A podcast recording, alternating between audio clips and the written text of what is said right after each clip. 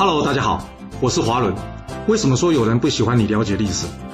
因为历史可以让你了解顶层阶级的思考方式，成为他们的竞争者，也可以让你看到许多前人成功以及失败的案例，让你的竞争对手睡不好觉。而最重要的是，历史可以让你了解人性。我们刚刚在战国第三十二集故事中讲到啊，战国四大名将之一，人称沙神的白起啊，正式登场了，并且呢，在伊阙之战中呢，将敌人百分之九十六的部队啊全部斩杀。有听过我的故事的，应该就听得出来，我其实不太喜欢对战争去歌功颂德啊，因为我始终认为啊，所有战争都是顶层阶级抢夺资源的过程啊，什么保家卫民、忠君爱国。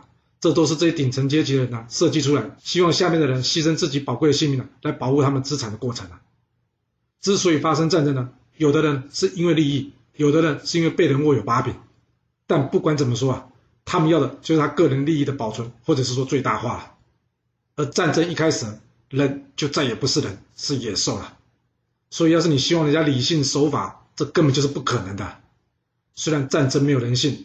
但是想要赢得战争呢，却必须了解人性。就像今天故事中的白起啊，他精准掌握联军互相推诿，不想自己部队有损失的这个人性上的弱点啊，对魏军展开无情的突击啊。接下来再利用一般人习惯眼见为凭的人性啊，让韩军在第一时间呢失去正确判断机会，惨遭夹击而被重创。最后再利用人性上会依据习惯来判断事情这个弱点啊。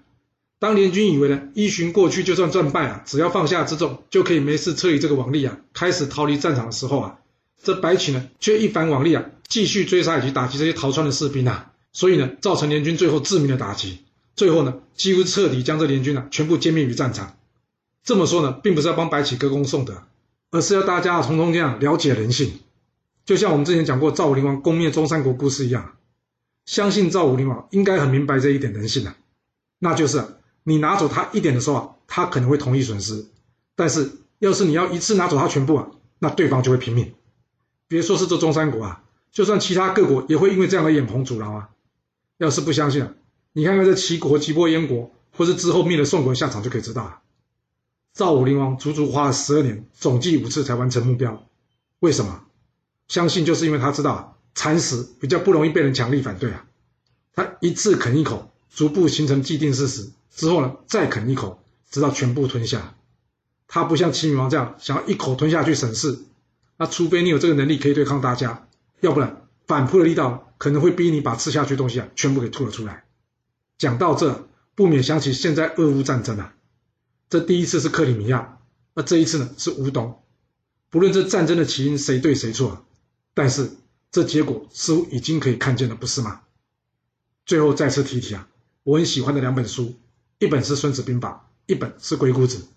我认为这两本书啊，就像是在教人下棋的教科书，而历史呢，就是前人的棋谱，生活就是实战。